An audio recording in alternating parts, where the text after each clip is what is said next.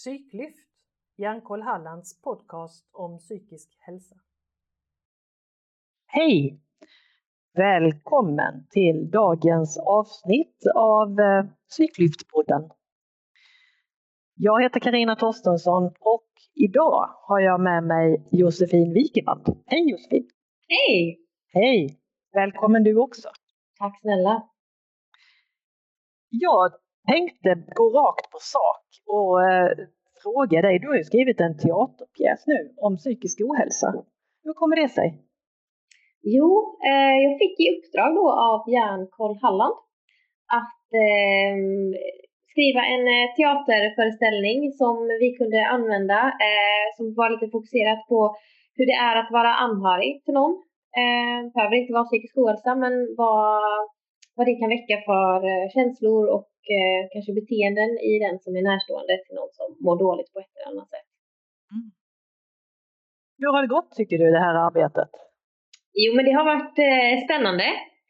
Jag är ju själv eh, skådespelerska från början och har inte skrivit så många manus till flera personer utan jag har skrivit manus till mina egna föreställningar. Eh, där jag också blandar mycket musik. Eh, så det här var en ny, ny erfarenhet och väldigt utvecklande eh, där man då skapar ett manus för flera personer eh, och väver in mycket av såklart mina egna erfarenheter då av anhörigskap ehm, och ehm, ja, men det har varit väldigt spännande och jag är fortfarande väldigt nyfiken på hur slutresultatet kommer bli. Vi håller mm. på med arbetet just nu då. Så det känns väldigt kul. Mm. Det är work in progress kan man säga då alltså. Det, det, är inte riktigt färdigt än.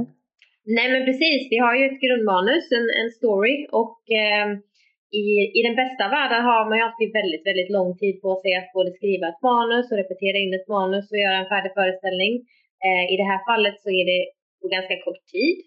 Eh, och då får man ju också kanske sänka ambitionen men ändå har man ju en ambition att det ska bli väldigt bra och jag tror ändå att det viktiga i den här föreställningen är ju budskapet och vad man vill liksom förmedla och jag hoppas ju att, att det kommer gå fram och att det kommer kanske inbringa igenkänning hos publiken och förhoppningsvis väcka hopp också.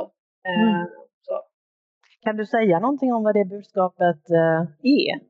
Utan att avslöja för mycket tänker jag. Ja, men det tänker jag väl att eh, när man är anhörig i en situation som känns allvarlig på ett eller annat sätt till en närstående som mår dåligt så kan det kännas väldigt överväldigande, åtminstone enligt mina egna erfarenheter och jag vet att många delar den uppfattningen. Det är otroligt mycket känslor att, att bära på och hantera och man ska navigera i hur mycket, hur mycket man ska vara engagerad och eh, hur mycket man ska kunna också orka ta hand om sig själv samtidigt. Mm. Och eh, det är väl någonting som vi gestaltar i den här föreställningen. Eh, och det, min erfarenhet är ju att eh, det absolut kan vara väldigt tufft att vara anhörig och det är viktigt att det lyfts för att anhöriga behöver mycket stöd och hjälp i det. Mm. Eh, och det man främst behöver stöd och hjälp i är att kunna lära sig att eh, prioritera sig själv för att själv kunna hålla i längden. Mm. Och eh, jag hoppas att den här föreläsningen, eller föreställningen eh, ska kunna inbringa ett hopp och en påminnelse om hur viktigt det är och att det faktiskt kan gå att må hyfsat okej okay, trots att en anhörig mår väldigt dåligt och att det, att det är viktigt att behålla det perspektivet. Mm. Jag tänker, du är ju Hjärnkoll-ambassadör också. Och som Hjärnkoll-ambassadör så är det vanligt att man eh, ja, håller föreläsningar eller berättar om sina egna erfarenheter. Hur har det varit att eh, gestalta erfarenheter genom en pjäs eller ett manus på det här sättet? Det är klart att det är baserat på dina erfarenheter men som du säger så är det också det är många som delar och det kanske inte blir lika personlig berättelse som det blir när man håller en föreläsning. Hur, hur känner du att det här har varit i relation till föredrag som Hjärnkollambassadör? Ja men precis. Eh, nej men det är ju en helt annan sak och som du säger det blir ju inte personligt att det är den det är ju en skåd, skådespelarinsats eh, och man skapar ju fiktiva kar karaktärer. Och det är väl där skådespeleriet kommer in, att det ska vara så pass trovärdigt att man ska känna med den som gestaltar det här då.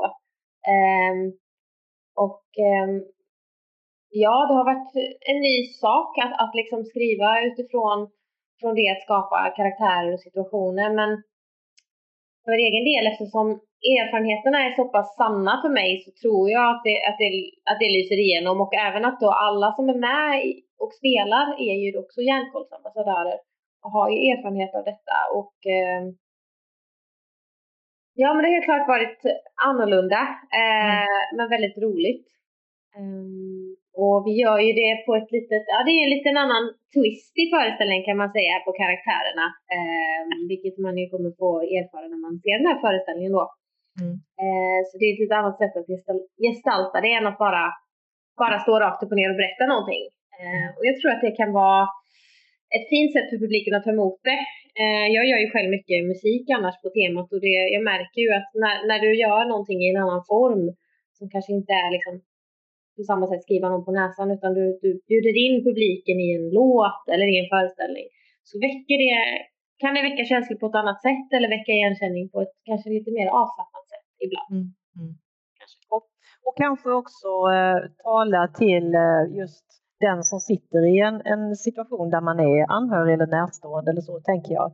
Där finns det ju många, många varianter och många exempel på olika historier och det kanske är så att man kan känna igen sig i en föreställning på ett annat sätt än, än vad man gör i en föreläsning. Då.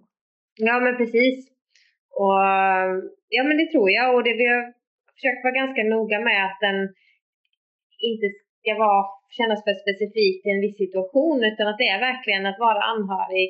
Det kan gälla så många olika situationer, så många olika säg, diagnoser eller tillstånd men, men de här, alla de här känslorna som väcks är liksom detsamma.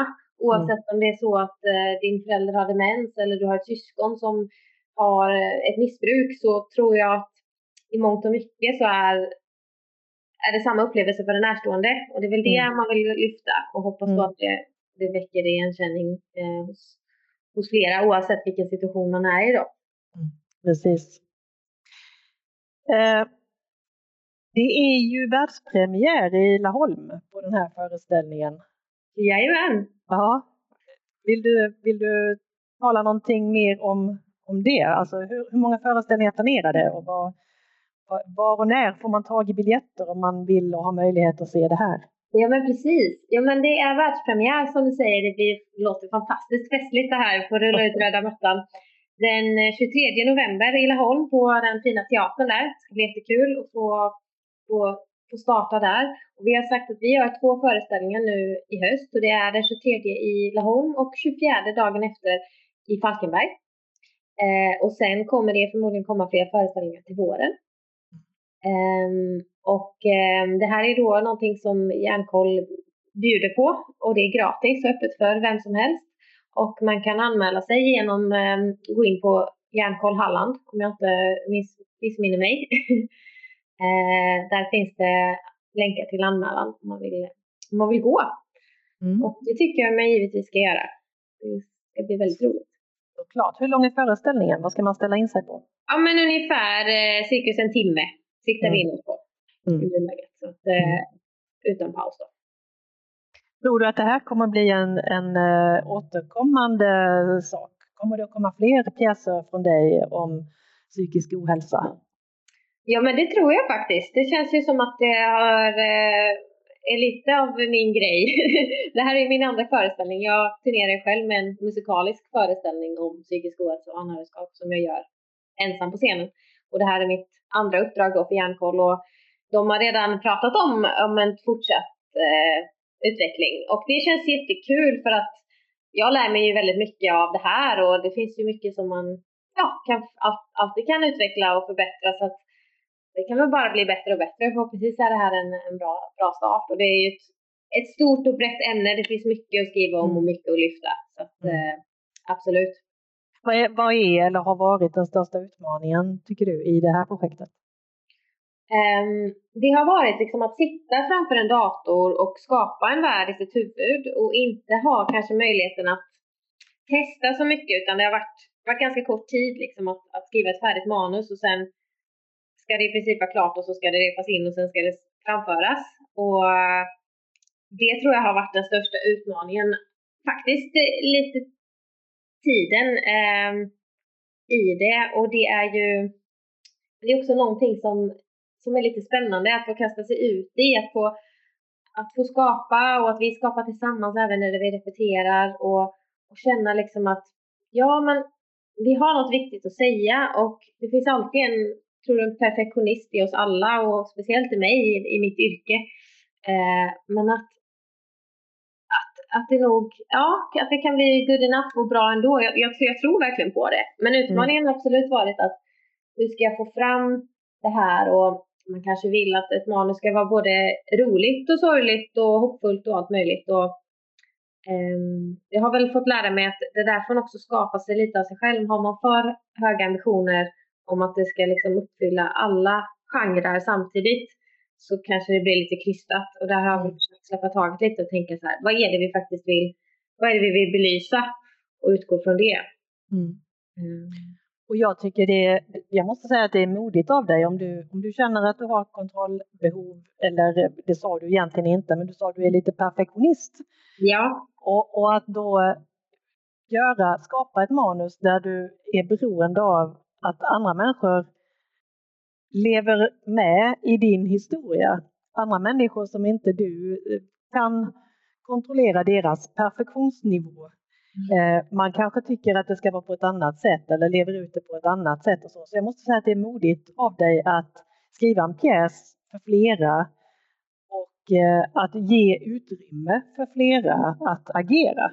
Är det någonting som du har funderat på när du nu ser vad det blir av det, när, när andra människor tar sig an replikerna? Jo, men det är väldigt spännande och, ehm, och utmanande för ehm, som du säger, den här det känns på något sätt som att jag har ett ansvar för föreställningen. Eh, för jag står bakom manus och, eh, på, och, och just står jag även regin och för en av huvudrollerna. Och eh, det är ganska många roller att axla på en gång. Ehm, men det är ju, ja men det är nyttigt och häftigt att få göra det och vi, alla vi som är med är ju, alla ambassadörer är ju vana att på ett eller annat sätt eh, framföra saker i och med att vi föreläser. Eh, sen är ju inte eh, kanske de övriga utbildade skådespelare och det är ju någonting också en, att ha en ödmjukhet, ödmjukhet inför det, alltså både från mig och för de som är med, att vi gör det här för att vi tycker det är roligt. Och eh, jag tror att det kommer bli hur bra som helst och jag tycker att alla som är med har har en talang för skådespeleri. Det är jättekul.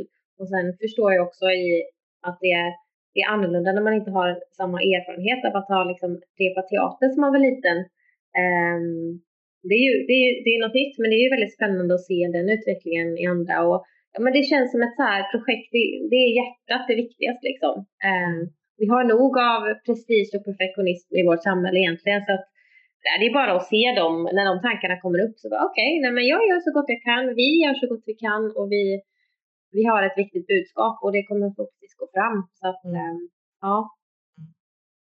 Det här ska bli kolossalt spännande och eh, framförallt eh, det ska bli väldigt roligt att följa den här turnén och se hur mycket föreställningar det blir och hur stor efterfrågan blir och om vi får någon respons eh, från publiken eh, på den här föreställningen. Nu sa jag vi, så då har jag redan avslöjat att jag kommer också vara med i det här. Jajamän! Det är fantastiskt, eh, fantastiskt roligt. Och eh, jag vill eh, önska, jag vet inte, vad säger man, skitföreställning? Eller man får inte säga, i vissa sammanhang får man inte säga lycka till. Får man göra det i de här sammanhangen? Alltså det är väl en liten sån eh, att man har det i branschen att man inte ska säga lycka till. Vi brukar säga toj toj. Brukar okay. mina kollegor säga. Då, då gör vi det. Då säger vi eh, toj toj.